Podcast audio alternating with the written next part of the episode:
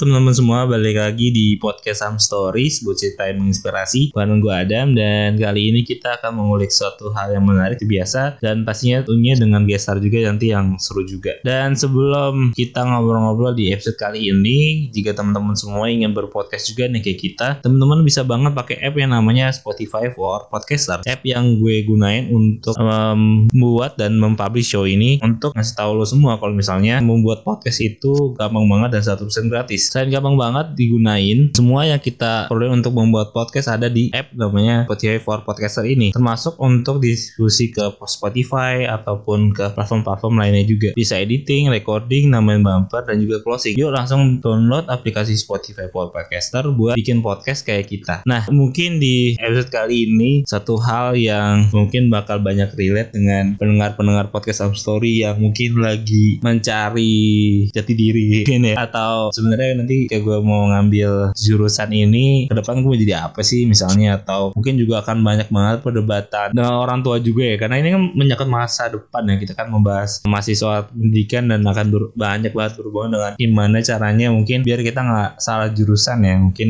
apa sih yang kita lakuin langkah-langkahnya misalnya atau apa yang kita pikirkan juga untuk ke depannya ya. Banyak banget yang justru ngambil jurusan apa kerjanya apa ya. Jadi kayak banget gitu ya. Jadi mungkin kadang dan nentuin jurusan jauh-jauh hari juga namanya takdir hidup tuh kadang nggak bisa ditentuin juga ya nentuin Tuhan juga ya sebenarnya. Nah tapi juga menurut gue ketika emang kita mungkin fokus sama satu passion kita ya mungkin juga justru itu yang akan jadi karir kita ke depan sih sebenarnya. Makanya justru sebenarnya berarti kita bahas sih detailnya kayak ketetapan hati sih menurut gue juga sih. Dan gue buat temen-temen yang galau juga kayak gue tahu sih biasanya kayak hal yang baru kepikiran juga ya setelah bertahun-tahun udah lulus kuliah gitu. Tapi ya kalau gue jadi posisi untuk misalnya gue untuk milih jurusan gitu ya. Apalagi sekarang gue sebenarnya lagi mau S2 gitu kan gue juga mikir lagi ya apakah gue mau cari sub jurusan yang dari yang gue ambil di S1 atau mau nyebrang banget nih. Karena banyak banget temen-temen gue atau kating-kating gue yang dia jurusannya kan sama gue misalnya manajemen ya terus tau-tau S2 nya hukum ya misalnya jauh banget ya kok bisa gitu? Rasain juga ya kayak gitu. Ada juga yang kayak gitu ya. Mungkin mungkin itu sih kayak pengantar di episode kali ini ya. Kita cari tahu ya gimana caranya bisa milih jurusan yang tepat dan membangun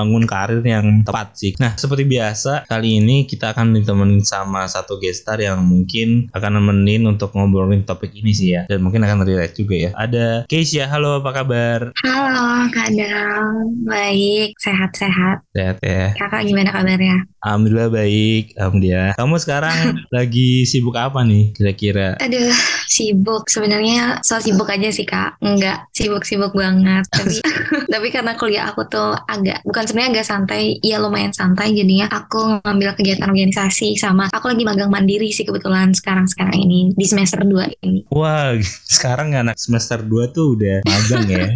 aku tuh dulu kayak kalau waktu kuliah ya kayak bikin hmm. magang tuh semester semester akhir ya nggak semester iya, dua tuh nggak pernah kepikiran buat magang tuh biasanya berarti kamu tuh sekarang dari jurusan dulu deh kayak sekarang okay. kamu kuliah apa nih sama di mana gitu aku itu kuliah di jurusan sastra Indonesia di Universitas Pajajaran angkatan 2022 lengkap ya waduh iya berarti baru banget baru baru banget ya masuknya ya? betul baru nah, tahun kemarin oh iya iya baru baru tahun kemarin iya. uh -huh. kamu tuh tuh emang memilihnya dulu mau di sastra Indonesia atau memang ada pilihan lain tuh dulu tuh? Jadi kalau misalkan aku throwback dikit ke tahun hmm.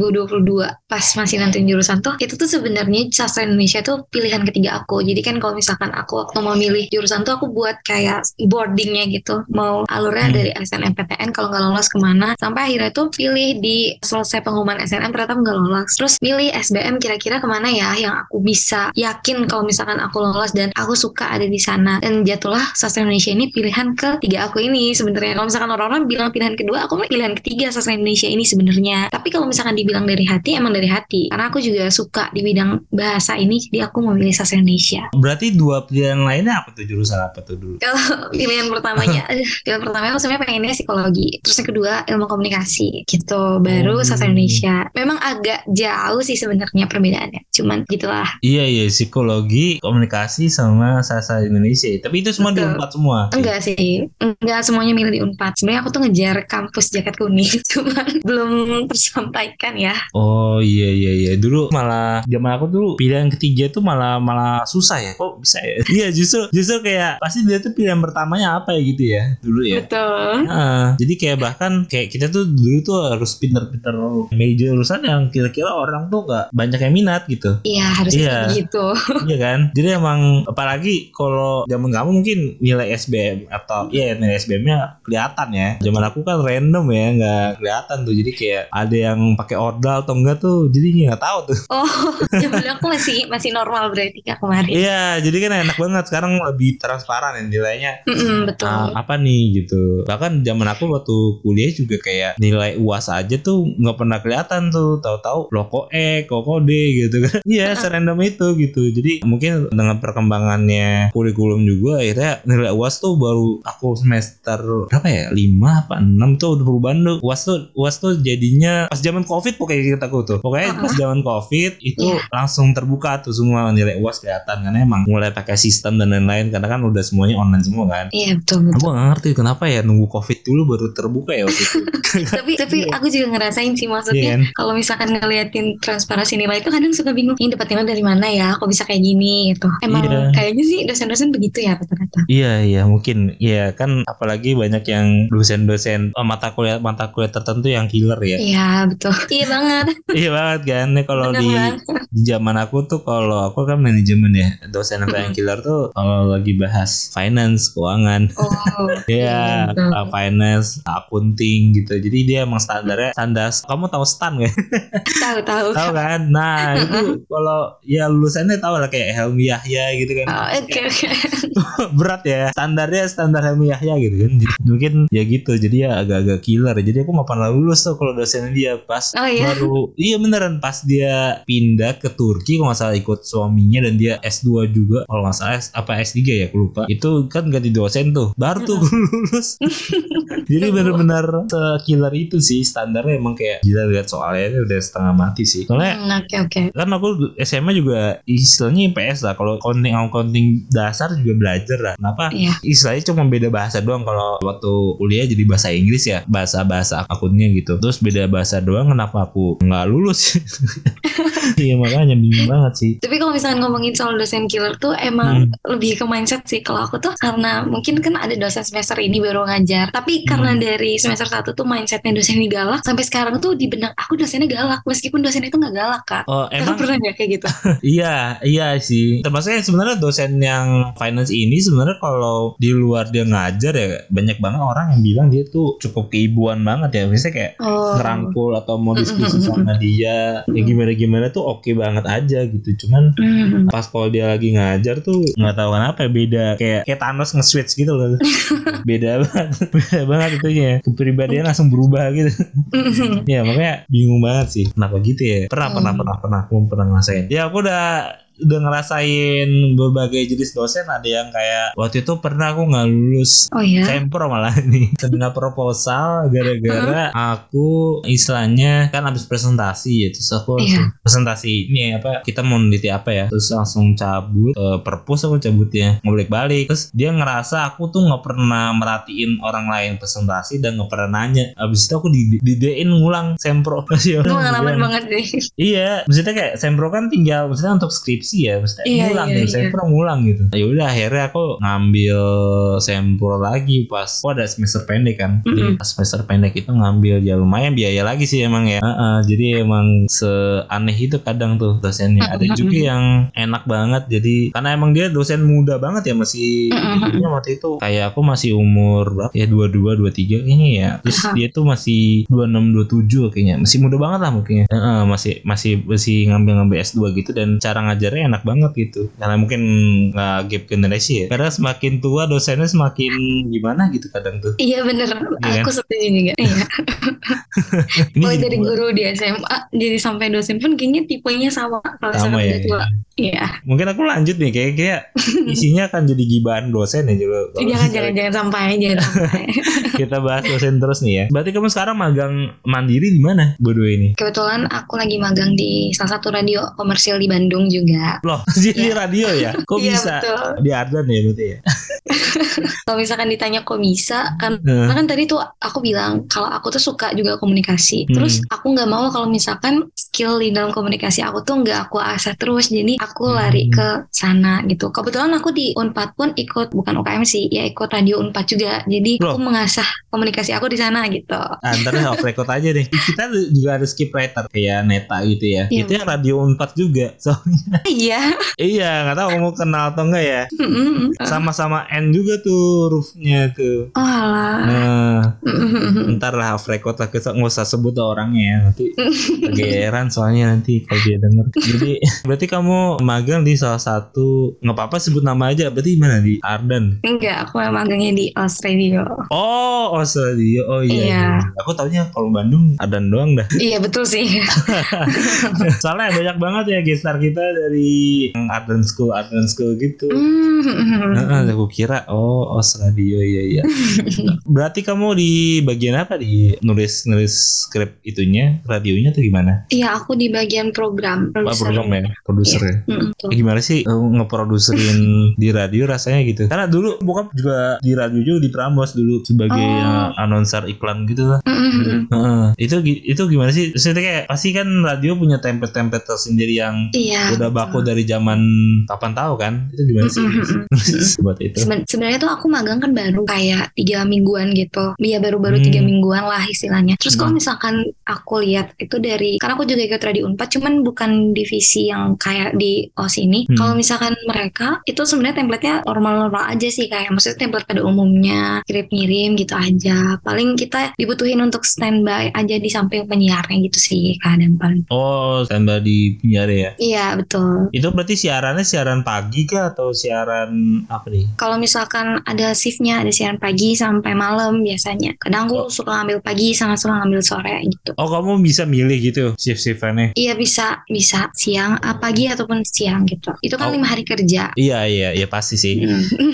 nggak mungkin sabtu minggu juga siaran juga sih ya gitu. Heeh, siaran juga sebenarnya sabtu minggu cuman untuk anak magang lima hari kerja gitu katanya. Iyalah, pastilah baru magang udah harus rodi ya seminggu harus masuk terus ya. Belum berarti belum nulis nulis untuk yang penyiar itu secara full baru dampingin aja berarti jatuhnya. iya betul Hmm. kan sebenarnya ada produser utamanya juga Hmm. anak-anak magang cuman mendampingi sang produser aja sebetulnya gitu Oke oke oke oke. Nah balik lagi sih sebenarnya Oke. ke hal yang kita mau bahas sih sebenarnya. Pertimbangan dulu waktu milih jurusan apa sih kayak antara berarti psikologi terus abis itu tadi ya komunikasi sama sastra gitu. Waktu dulu tuh aku mikirin dua hal. Yang pertama passion aku, yang kedua berdasarkan prospek. Kalau misalkan Hmm. soalnya kemarin tuh juga untuk milih jurusan ini tuh Hmm. ada pertempuran nih dengan mama dan papa aku kebetulan yang benar-benar sampai nangis-nangisan gitu. Pernah Waduh. aku pernah aku pernah ada di fase itu kadang kemarin itu untuk sampai di jurusan yang sekarang ini. Tapi kalau misalkan kemarin tuh kenapa aku milih psikologi itu karena aku suka dan bukan emang bukan passion aku sebenarnya tapi aku suka dan aku ingin belajar lebih di sana. Kalau komunikasi itu sebenarnya udah jadi passion aku dari aku SMP. Tapi kalau misalkan sastra ini juga sama minat aku yang aku ingin teruskan jadi nambah ilmu. Makanya kenapa aku milih ketiga jurusan itu. Kayak gitu sih latar belakangnya. Hmm, ka- karena emang passion ya dari dulu emang. Mm-mm. Tapi kayak jauh-jauh banget kayak dari Iya sih psikologi. sebenarnya kenapa, jauh-jauh banget. kenapa jadi mau jadi psikologi? Apakah mau jadi tipikal orang yang suka banget dengerin curhat? Atau... ya karena ujungnya pasti psikologi kalau nggak jadi HRD Iya, iya, guru, betul. guru BK kan. Betul. Dulu tuh aku pokoknya pas pandemi, itu pas Hmm. pandemi itu aku mulai suka yang namanya tentang hal-hal psikologi gitu. Semenjak pandemi itu kan biasa ya orang lagi di rumah Stres. aja bosan, uh, stres. Iya. Akhirnya tuh aku belajar banyak dari itu. Kenapa sih orang overthinking? Jadinya aku tuh dulu orangnya emosian banget. Terus aku mulai bisa untuk kontrol emosi aku, mulai bisa sabar, mulai bisa lah berubah kepribadian sedikit jadi lebih jadi kayak Keisha yang sekarang gitu. Terus aku merasa kayak oh kayaknya kalau aku belajar di psikologi tuh aku bisa untuk ngembangin hal-hal itu supaya aku juga bisa ngembangin ke orang lain juga. Itu sih paling kalau misalkan kenapa psikologi. Kalau misalkan ilmu komunikasi juga sebenarnya sama. Karena itu dia, aku tuh suka komunikasi, aku suka banget ngobrol sama orang gitu. Meskipun nggak tahu ya kalau misalkan ini enak enggak kedengerannya. Iya iya iya. Alasan psikologi kayak ge- alasan-alasan Gen Z yang Iya, betul. Banget tuh kayaknya tuh ya. Iya betul banget, betul banget.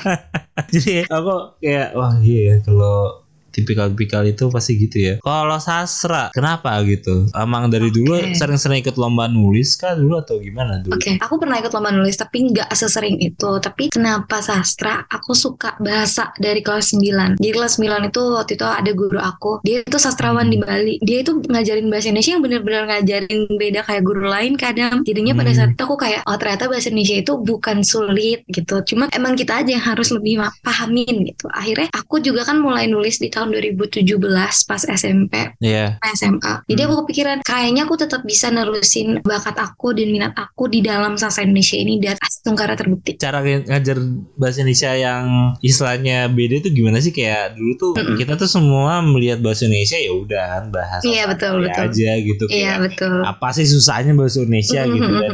Nah sejauh ini sih kayak mentok-mentok kayaknya aku bahasa Indonesia kayak 8 aja bersyukur sih kayak Sebenarnya dulu aku juga bahasa Indonesia tuh jelek-jelek kan. Iya kan aneh ya maksudnya Iya. kok bahasa kita kok kayak, kayak susah banget ya padahal kayak belajarnya cuman kayak Kalimat ini gimana zaman- gitu Iya terus Mm-mm. pantun lah atau Iya betul. Drama-drama, yang- ya, paragraf drama. gitu-gitu. pro- prosedur-prosedur apa ya Iya Hmm, betul teks prosedur gitu. Teks prosedur ya gitu doang Mm-mm. sih kayaknya Eh, kok susah ya apa ya yang bikin susah sih bahasa Indonesia iya apa, apa gimana sih caranya bisa kalau kita belajar bahasa Inggris tuh kayaknya ya udah lah maksudnya kayak mungkin iya ya ada cara yang tepat untuk mencari bisa kita bisa bahasa Inggris tapi kalau bahasa Indonesia tuh kecuali dulu bule ya maksudnya kayak gimana sih bahasa Indonesia belajar yang bisa dapat nilai 100 enggaknya gitu Jujur aku nggak pernah dapat nilai 100 juga dalam bahasa Indonesia itu. Tapi kalau ditanya caranya ngajarin, dulu kalau misalkan kebanyakan guru mungkin berpaku sama teks dan ya pokoknya buku. Tapi Iya. kalau nama bapak ini namanya Pak GM, itu beliau ngajarin aku dan teman-teman itu dengan sangat luar biasa. Jadinya bukan cuma sekedar dari buku, tapi benar-benar diimplementasikan. Misalkan waktu itu kita lagi bahas tentang unsur-unsur dalam cerpen kayaknya ataupun naskah. Itu tuh benar-benar dibahas sedalam itu sampai aku tuh paham dan aku diapresiasi sebesar itu sama bapaknya. Jadinya aku kayak merasa, wow ternyata aku mendapat pengakuan nih di dalam penjelasan aku dan akhirnya aku mulai sadar kalau bahasa Indonesia itu sebenarnya bukan susah tapi emang kita harus suka dulu sama bahasa Indonesia biar kita bisa merasa bahasa Indonesia itu nggak sulit gitu. sama sih kayak MTK sih Iya betul. Iya, aku suka banget loh matematika kak. malah suka matematika aku kayak apa ini gitu. gunanya kayaknya aku dalam kehidupan sehari-hari cuman ya itu doang kayak Iya iya. masukan pengeluaran kita kan di Iya betul. Iya, betul doang. sih, emang. sehari-hari gitu doang aja gitu aku nyetir motor misalnya atau nyetir mobil kayaknya hitung-hitungannya kayak feeling aja gitu kayak mungkin aku ukur dulu kayak jarak Iya, iya. saya kayak gitu Itu ya juga sebenarnya. Mm. Iya, makanya aku kagum banget kayak Jerome ya, maksudnya kayak dia Mm, mm, mm. makanan eh, pizza gitu dibagi terus langsung diukur apa aja nih dimensinya atau gimana yang bisa tadi kayak angka aja udah pusing apalagi kayak udah harus ada x y gitu-gitu kan Iya. gitu Jerome, aku suka banget sama Jerome. Bahkan dulu aku pernah waktu zamannya mau UTBK UTBKan tuh Jerome juga sempat Hmm. ngasih video-video tuh. Aku juga sempat belajar sama video-videonya Jerome. sayang dia seangkatan sama aku ya jadi Oh iya. maksudnya umurnya sama gitu kalau Oh. mungkin dia jauh lebih dulu ada gitu ya mungkin aku akan bisa lebih pintar MTK gak sih Hmm.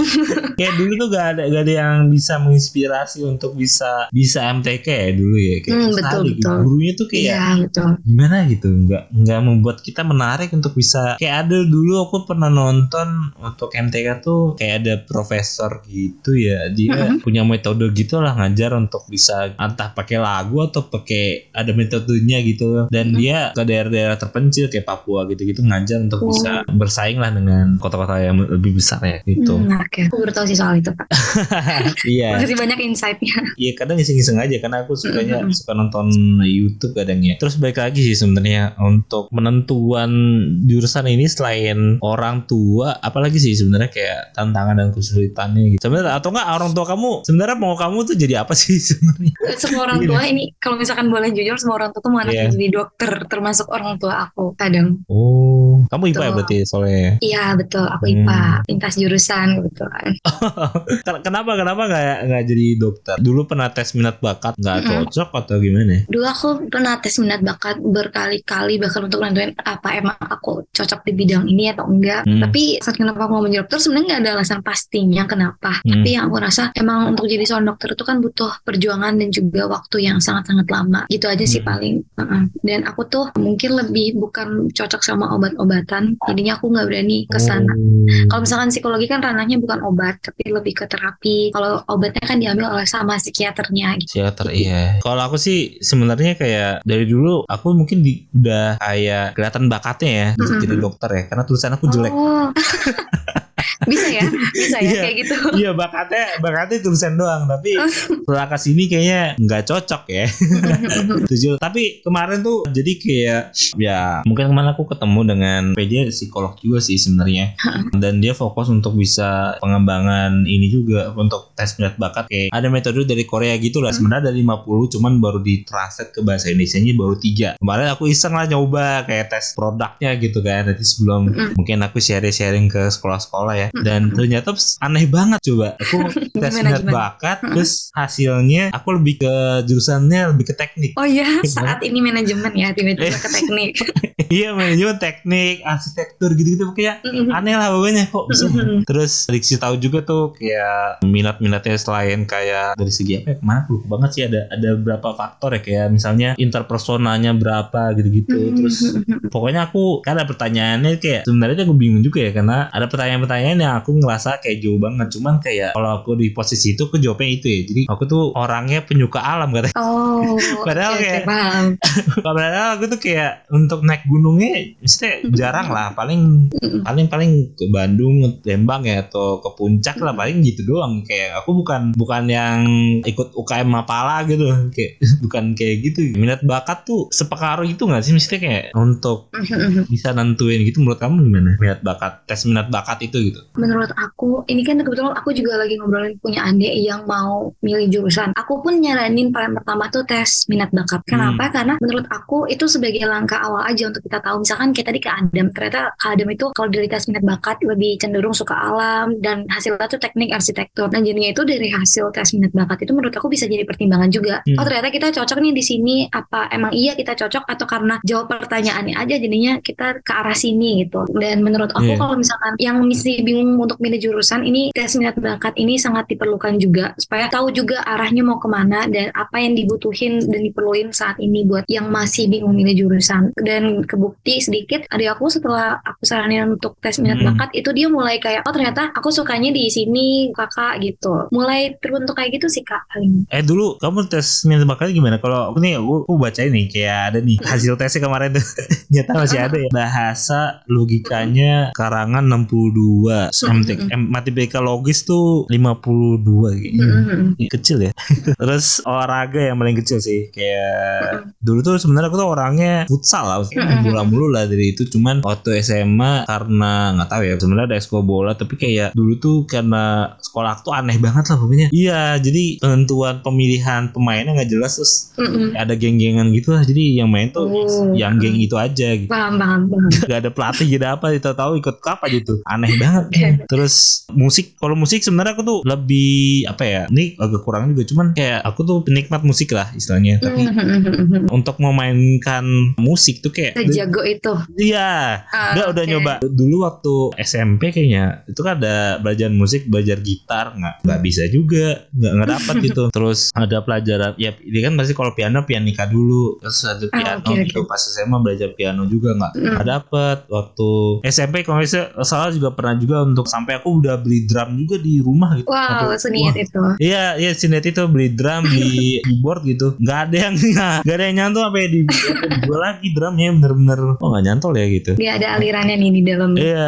tubuhnya iya. ada berarti Nah, tapi pemahaman diri kayak sama hubungan antar manusianya makin sini bagus sih. Maksudnya kayak nilainya di sini cukup oke ya. Mungkin Oke. sebenarnya dulu tuh aku orangnya sangat, sangat bukan pemalu ya, maksudnya lebih ke introvert ya. Jadi Oh, ah, paham. jadi kayak bukan yang malah seringnya malu-maluin ya. jadi bukan bukan ke arah yang bukan nggak berani ngomong ya, cuman kayak Mm-mm. kalau mungkin kalau orangnya cuma 3 5 masih oke. Cuman kalau udah Mm-mm. 15 misalnya 20 tuh biasanya Oke paham.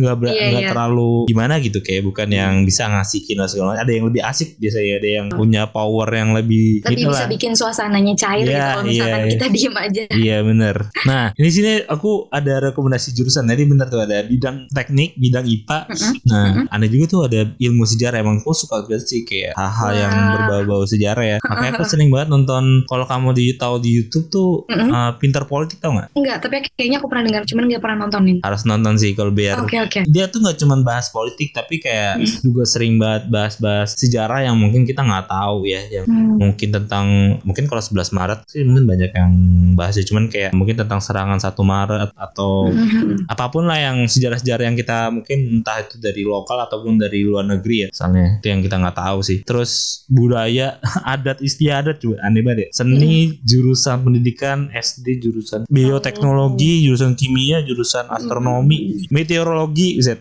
berat-berat banget nih kedokteran gigi farmasi Wah. arsitektur nah Lingkupnya di bidang bidang saintek tuh semua. ini saintek semua ya kayak Mm-mm. gak ada bayangan di otakku cuma sejarah doang sih kayaknya lebih Iya iya betul. Iya masih masih masih masuk ke kedokteran gigi sama teknik bahan aku juga nggak ngerti gak bisa gitu ya. Itu kalau jurusan ya. Nah kalau misalnya pekerjaan itu aku kayak di rekomendasinya di sini spesialis konvers apa nih konservasi kekayaan Hmm. budaya terus spesialis ilmu bahan teknik kimia teknisi energi ya arsitek pasti ya kan insinyur insinyur lebih kan banyak ke teknik semua ya, guru IPA guru IPA jadi kayak Emang basicnya di IPA nih jadi. Iya basicnya di IPA padahal Mm-mm. jauh banget ya dari bayangan aku dulu ya. Kalau kamu dulu gimana waktu hasil ininya minat bakat itu? Aku tuh lupa karena itu tesnya 2020 2021 deh kayaknya. Cuma yang aku ingat itu rekomendasi jurusan paling besar itu ada di lingkup kesehatan dan sosial sebenarnya. Jadi waktu itu direkomendasiin kalau nggak salah kesehatan masyarakat itu Oh ya masuk kesehatan masyarakat Mm-mm, ya. kesehatan masyarakat, psikologi, ilmu komunikasi itu juga masuk pekerja sosial yang kayak gitu. Dan oh Hmm. berarti dari tes minat bakat aku aku merasa berarti aku cocok nih untuk berhubungan sama manusia dan ada di lingkup sosial gitu waktu itu aku mikirnya. Iya iya iya iya.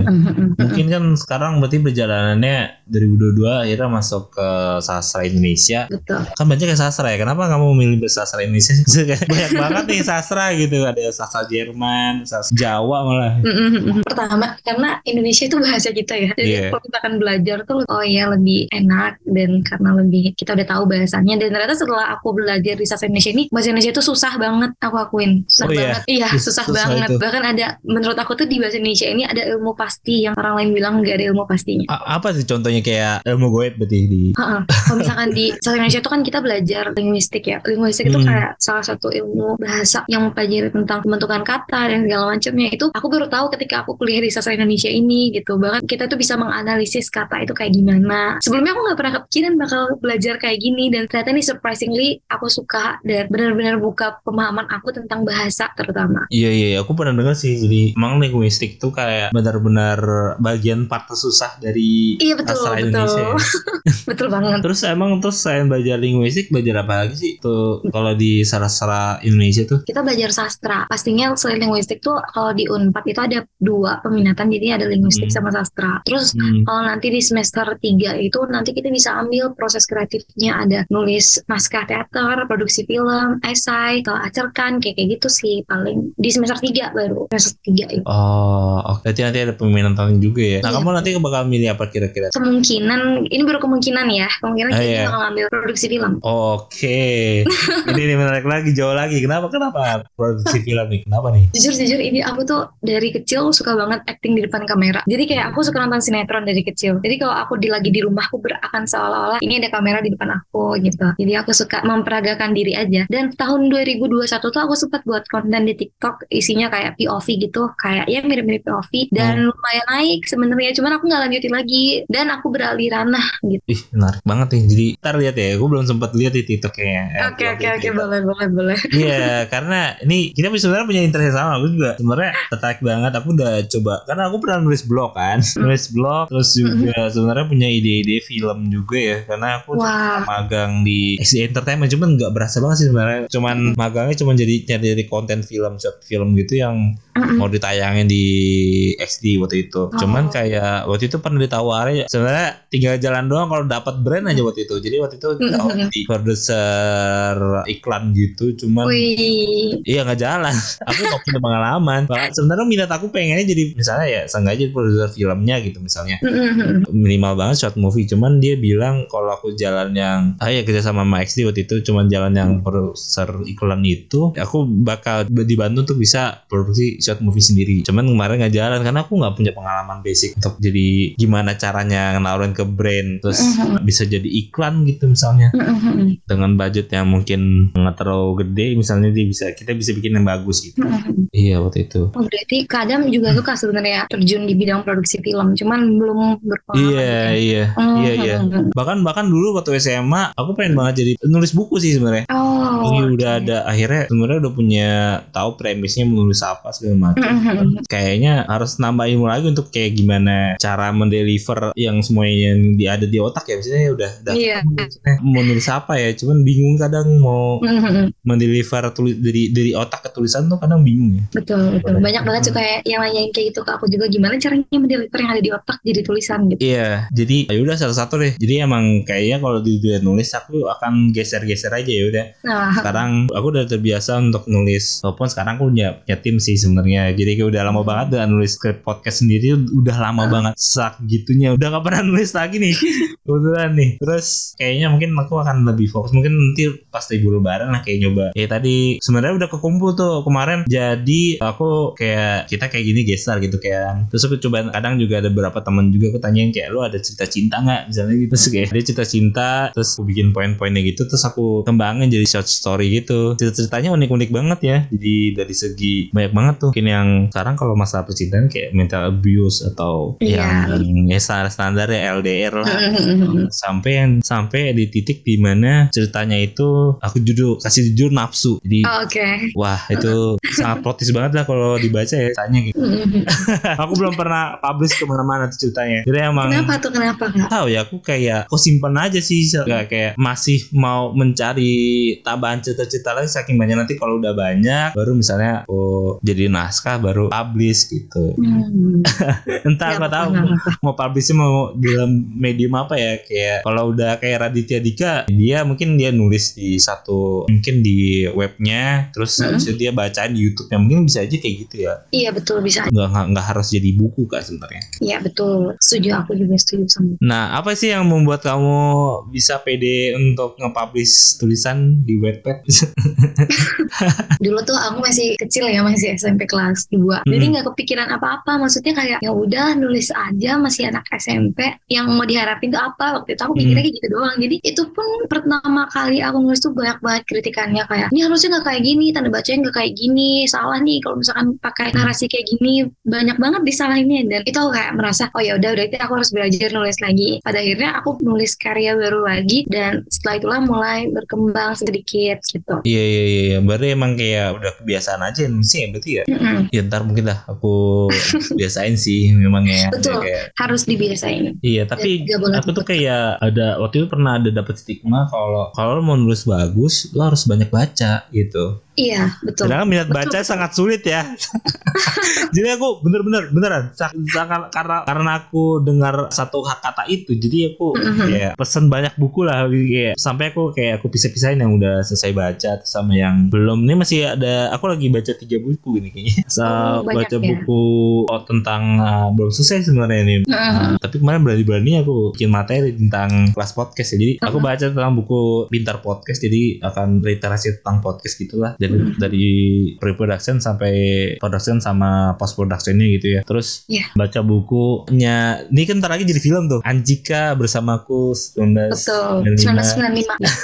lagi syuting dan sebenarnya sesuai ekspektasi ya. Oh, Mhm. jadi jadi jadi karakter utama teman aku kecewa dengan Dilannya sih kenapa nggak Iqbal lagi sih Kalau misalkan kakak tahu itu kalau nggak salah tuh pernah satu klip Iqbal bilang nggak mau dulu untuk Ancika ini karena katanya udah selesai di nilai yang itu. oh Mm-mm. tapi juga tapi alasan mimin filmnya dibilang oh Dilannya udah dewasa Iya betul sih.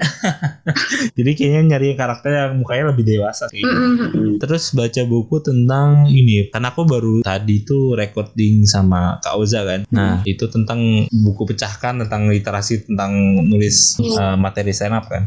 Mhm. nah itu juga makanya aku sebenarnya punya banyak materi yang mau jadiin apa aja nih misalnya jadi buku jadi Mm-mm. materi stand up juga ada Mhm. jadi film juga ada jadi kayak tinggal mendelivernya doang sih sebenarnya betul betul. Iya. Deliver adalah hal paling sulit. paling sulit banget sih Betul. tadi makanya aku nanyain kan sama Kak Ozi juga tadi kayak gimana sih cara lo untuk bisa mendeliver atau kan imajinasi kita kadang di otak tuh Mm-mm. udah kebayang banget nih kayak lucu Iya, gitu betul. tapi Iya iya. pas iya. deliver Cringe anyep gitu. ya iya Mm-mm. Gitu makanya banyak banget belajar sih tadi kayak soal stand comedy ya nah kita supaya nggak melempar jauh sih cuman aku mau nanya sih soal kan banyak banget yang orang-orang yang salah jurusan menurut kamu kenapa sih orang tuh bisa salah jurusan gitu kayak udah Mm-mm. bertahun-tahun menurutku itu dan ternyata salah gue di sini gitu Yang pertama ya menurut aku kenapa orang Hmm. bisa salah jurusan ini cuma dari perspektifnya Keisha aja. Jadi Hmm. yang pertama itu bisa karena dia ketika menemui pelajaran yang dia kira itu mudah dan dia kira bisa laluin ternyata nggak semudah yang dia bisa laluin. Jadi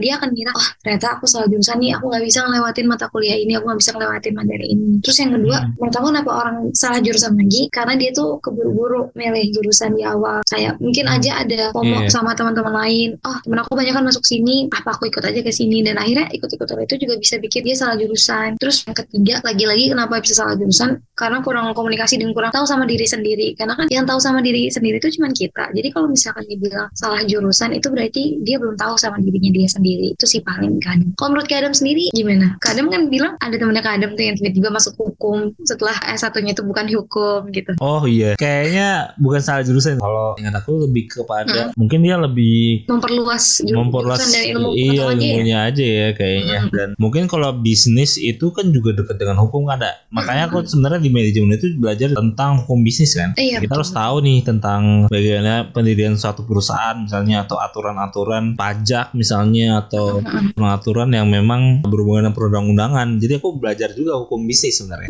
Bisa, bisa juga tentang itu dan iya beneran. Kayak masuk ke perdata atau gimana ya? Misalnya kayak masih berhubungan ya. Tapi kalau misalnya aku mengambil manajemen tiba-tiba ngambilnya sastra gitu misalnya. Atau perfilman kayaknya jauh ya. Tapi kalau jurusannya manajemen perfilman misalnya masih sih nyambung sih Iya itu masih nyambung betul. Iya untuk kan istilahnya film itu kan sebuah bisa jadi sebuah produk ya dan Betul. bisa diambil dari dalam sudut pandang ya bisnis ya kan ibarat Mm-mm. kayak berapa layar nih setelah kita promo Berapa tiket kan. terjualnya Tiket gitu. terjual, iya. bisa lah kayak gitu kan Bisa. Ah, ah, tapi kalau menurut aku kalau misalnya salah jurusan itu ya emang udah dijalanin kayak apaan tahu gitu ya tapi kayak nggak ngerasa Nggak feelingnya cocok. nggak iya Hmm. iya iya banyak banget kayak teman-teman aku juga pada cabut keluar ya pindah aja gitu Mhm. ke ternyata dia ngambilnya lebih ke cocoknya ke jurusan lain misalnya kayak gitu Mm-mm. tapi di dunia kerja juga banyak banget di di Sam Story kan sebenarnya ini kan sebenarnya kita tuh buka volunteer gitu ya sebenarnya kan Iya, betul. Story itu Mm. nah banyak banget yang aneh ya dia misalnya ngambil divisinya beda jauh sama jurusan ya aku juga bingung kayak Mhm. Waktu di bed sebelumnya itu ada anak PR public relations Mm-hmm. ya. dia jurusannya kimia aneh banget ya. Oh. kimia biasa di lab gitu kan ngambil public relations aneh banget Mhm. terus banyak lah yang jurusan pertanian tahu-tahu ngambil jadi penulis skrip misalnya kayak Mm, gitu-gitu tuh biasanya Iya, yang orang-orang bereksperimennya di dia ikut-ikut organisasi di luar kampus misalnya atau gimana tuh yang aku mungkin di bidang-bidangnya yang jauh dari jurusannya. Iya kayak gitu dan di dunia kerja pun juga sama kayak berapa persen sih orang bank yang jurusan finance juga bisa dihitung. Mhm. Iya. Iya kebayang sih. Karena kan sekarang tuh udah nggak zamannya. Misalkan kita jurusannya apa harus kerja di jurusan itu enggak kan? Karena sebenarnya kuliah itu menurut aku kita nambah ilmu pengetahuan lagi, ilmu pengetahuan apa yang pengen kita cari Hmm. itu ditambah di kuliah ini gitu. Kalau misalkan untuk kerja terserah dia nanti ke mana arahnya, ke mana in- minatnya lagi itu dia. Apakah menerusin ilmu yang udah dipelajari sama kuliah atau malah memperluas ke yang lain? Iya takdir hidup juga sih kayaknya ya kalau iya kan masalah Iya iya betul. Kerjaan juga sih. Tapi menurut kamu cara buat supaya kita mengantisipasi cara jurusan itu apa sih kira-kira? Kalau untuk antisipasi, sebetulnya aku belum pernah ya mengalami dan melihat di sekitar aku ada yang salah jurusan. Tapi kalau misalkan kamu merasa nih salah jurusan, berarti yang untuk mengantisipasinya, jika nanti nih untuk adik-adik kelas 12 yang mendengarkan ini, berarti kamu harus tahu dulu minat sama bakat kamu itu apa. Kita tadi misalkan gak ada tes minat bakat. Aku juga sempat tes minat bakat. Nah itu mengantisipasi supaya kita nggak salah jurusan dan nggak bosan. Ini juga masuk ke yang kedua, kita kan udah menjalani, berarti jangan bosan sama jurusannya itu. Ketika kita udah milih dari awal, berarti otomatis ini adalah pilihan yang kamu, berarti kamu harus ngelakuin yang terbaik sampai akhir. Terus yang ketiga, kalau udah tes minat bakat itu lakuin lagi seleksi program studi yang ada di semua universitas yang kamu mau. Misalkan kamu pengennya lebih ke program studinya, itu diseleksi. Apakah ini benar-benar minat kamu dan apakah kamu emang akan suka di dalamnya atau emang cuma sekedar ah ini euforia semata aja karena banyak yang daftar apa aku join di sini. Jangan sampai kayak gitu sih. Karena kita tuh zaman sekarang nggak boleh lagi yang merasa minder kalau misalkan aku jurusan sastra Indonesia nih dipandang sebelah mata. Aku nggak aku nggak boleh minder sebagai anak sastra Indonesia gitu sih paling. Karena sebagai anak sastra itu kental banget soalnya. iya iya iya iya paham paham paham. Karena justru sejujurnya mm -hmm. memang dulu aku pengen ngambil sastra mm -hmm. sebenarnya. Mm -hmm. Iya sastra Inggris sih sebenarnya karena biar mm -hmm. ke Inggris ya. Soalnya dari dulu aku pengen banget ke Inggris soalnya aku kan ngefans banget ya sama satu klub gitu kan. Jadi kayak pengen banget tuh ke sana tuh. Bahkan dulu waktu SMA sebenarnya ada program gitu kan kita libur UN ya. Cuman mahal banget. Bisa 100 juta sendiri tuh buat sana tuh. ya emang kadang perlu biaya di dalam semua hal yang kita ikut. Iya, iya. Mungkin terakhir sih gitu. Udah gak terasa banget kita udah bangun banyak hal ya sampai kantor sana sini gitu. Sebenarnya kita mau bahas soal jurusan doang ya. Yeah. Emang selika-lika itu ya guys kalau misal mau milih jurusan sebenarnya. Pesan buat teman-teman yang mungkin ya lagi galau mm, dalam memilih jurusan, memilih karir ke depan, masih bingung masa depannya kayak gimana udah sulit banget ya, kayak milih jodoh ya kan ya. gimana nih kira-kira Lebih sulit dari milih jodoh kayaknya. Iya, gimana nih pesanan nih? Kalau dari aku pesan buat teman-teman semua yang mungkin lagi merasa bimbang, coba ngobrol dulu sama diri kamu sendiri. Sebenarnya kamu tuh ke arah mana, tujuan kamu itu apa? Mungkin kamu juga bisa buat vision board kamu ke depannya akan mau jadi yang seperti apa. Siapa tahu nanti selama kamu menjalani perkuliahan, semisal nih, semisal kamu ternyata salah jurusan, kamu tetap masih punya vision board yang kamu harus capai. Jadi jangan takut untuk milih jurusan meskipun kamu merasa, ah nanti gimana ya di jurusan ini, nanti kalau misalkan aku nggak bisa survive gimana, dipilih dulu aja, dilaluin dulu aja. Karena mau nggak mau, apa pun itu takdirnya udah pasti ada, jalan kehidupannya juga udah pasti kamu temuin sih. Itu aja pesan dari aku. Semangat buat semua yang mau milih jurusan untuk sekarang-sekarang ini. Oke, mungkin kita udah banyak banget ya tadi bahas tentang mungkin Keisha udah sharing juga tentang pas lagi milih jurusan gimana dan iya. mungkin tadi banyak bahas-bahas soal tes minat bakat karena karena aku emang dalam waktu dekat mana itu sempat iseng-iseng coba tes minat bakat lagi apakah oh, iya. aku memang iya kan yang tadi hasil itu baru banget oh itu baru banget baru banget gara-gara ketemu sama tadi psikolog terus ya mm-hmm. dia emang fokus untuk ada tes minat bakat yang tadi mm-hmm. sebenarnya ada ada 50 skema atau sistem gitu dan dia baru ditranslate ke bahasa Indonesia nya tiga. Dan mungkin kita akan program ke sekolah-sekolah untuk tes minat bakat nanti kalau udah keluar teman-teman bisa banget juga tuh. Coba tes minat bakat yang pakai sistem dari Korea itu. Ya karena kan kita kalau misalnya mau jual produk ya lagi-lagi kita kan orang manajemen ya kita harus merasakan produknya kan. Jadi kemarin yeah, coba tes betul. tes minat bakat akhirnya oh gitu ya. Nah keluarnya tadi aku jurusan teknik ke lebih ke arah arah sana. Aku jauh banget sama yang aku jalanin sekarang ya.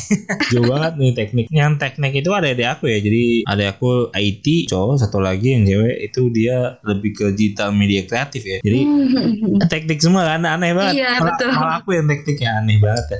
Kadang tuh ya hasil tesnya. Mungkin kalau nggak tahu ya kalau tes ulang apakah sama atau gimana nggak tahu ya. Iya pasti ada nah, perbedaan sedikit. iya. Tadi kita bahas juga gimana caranya mungkin nggak salah jurusan ke depan dan memang iya udah ibaratnya kalau karir yang lebih terplanning ya kan menurut aku sih akan jauh lebih bagus sih kayak gitu. Ya mungkin itulah kesimpulan hari ini dan thank you banget Keisha udah mau diajak ngobrol-ngobrol kalau ngidul ya mungkin eh, ya mudah-mudahan teman-teman bisa dapat insight dan bisa terinspirasi juga ya. Uh, gitu. Dan karena keterbatasan durasi juga nih kalau ada teman-teman yang mau dari Keisha atau mungkin bisa share sosial media juga dan mungkin bisa juga nih share project-projectnya yang mau di share Keisha gitu uh, wetpadnya misalnya atau gimana nih project-projectnya? Boleh banget. Kalau misalkan teman-teman mau nge aku aku ada di Instagram Keisha Putri underscore K I Y Putri underscore. Terus aku juga lagi aktif upload konten di TikTok. TikToknya 70 mil projector 70 nya angka. Itu aku ngupload tentang writing konten dan tips-tipsnya. Terus juga masih mungkin teman-teman masih pengen ngeliat karya aku bisa di webpad juga. Ataupun teman-teman pengen ke Gramedia untuk lihat buku aku juga bisa nama novelnya Impressive. Aku bacanya Impressive gitu pokoknya. Terus paling itu aja. Pokoknya kalau mengerti aku boleh banget kita terbuka untuk diskusi. Karena kita sama-sama belajar. Kalau nggak ketemu jalan keluar yang satu kita buka dan cari jalan luar yang lainnya. Oke, thank you banget Keisha udah sharing-sharing juga tadi. Jangan lupa follow tadi Keisha dan mungkin bisa ikutin tulisan-tulisan Keisha juga ya. Nah, kalau ada teman-teman juga yang ingin bekerja sama atau ada ide untuk konten podcast Story selanjutnya bisa hit up on Instagram di @podcast story dan juga bisa melalui email kita di podcastsamstory@gmail.com dan thank you buat teman-teman semua yang sudah menonton podcast Story episode spesial bersama Keisha and see you on the next episode. Dadah. Dadah.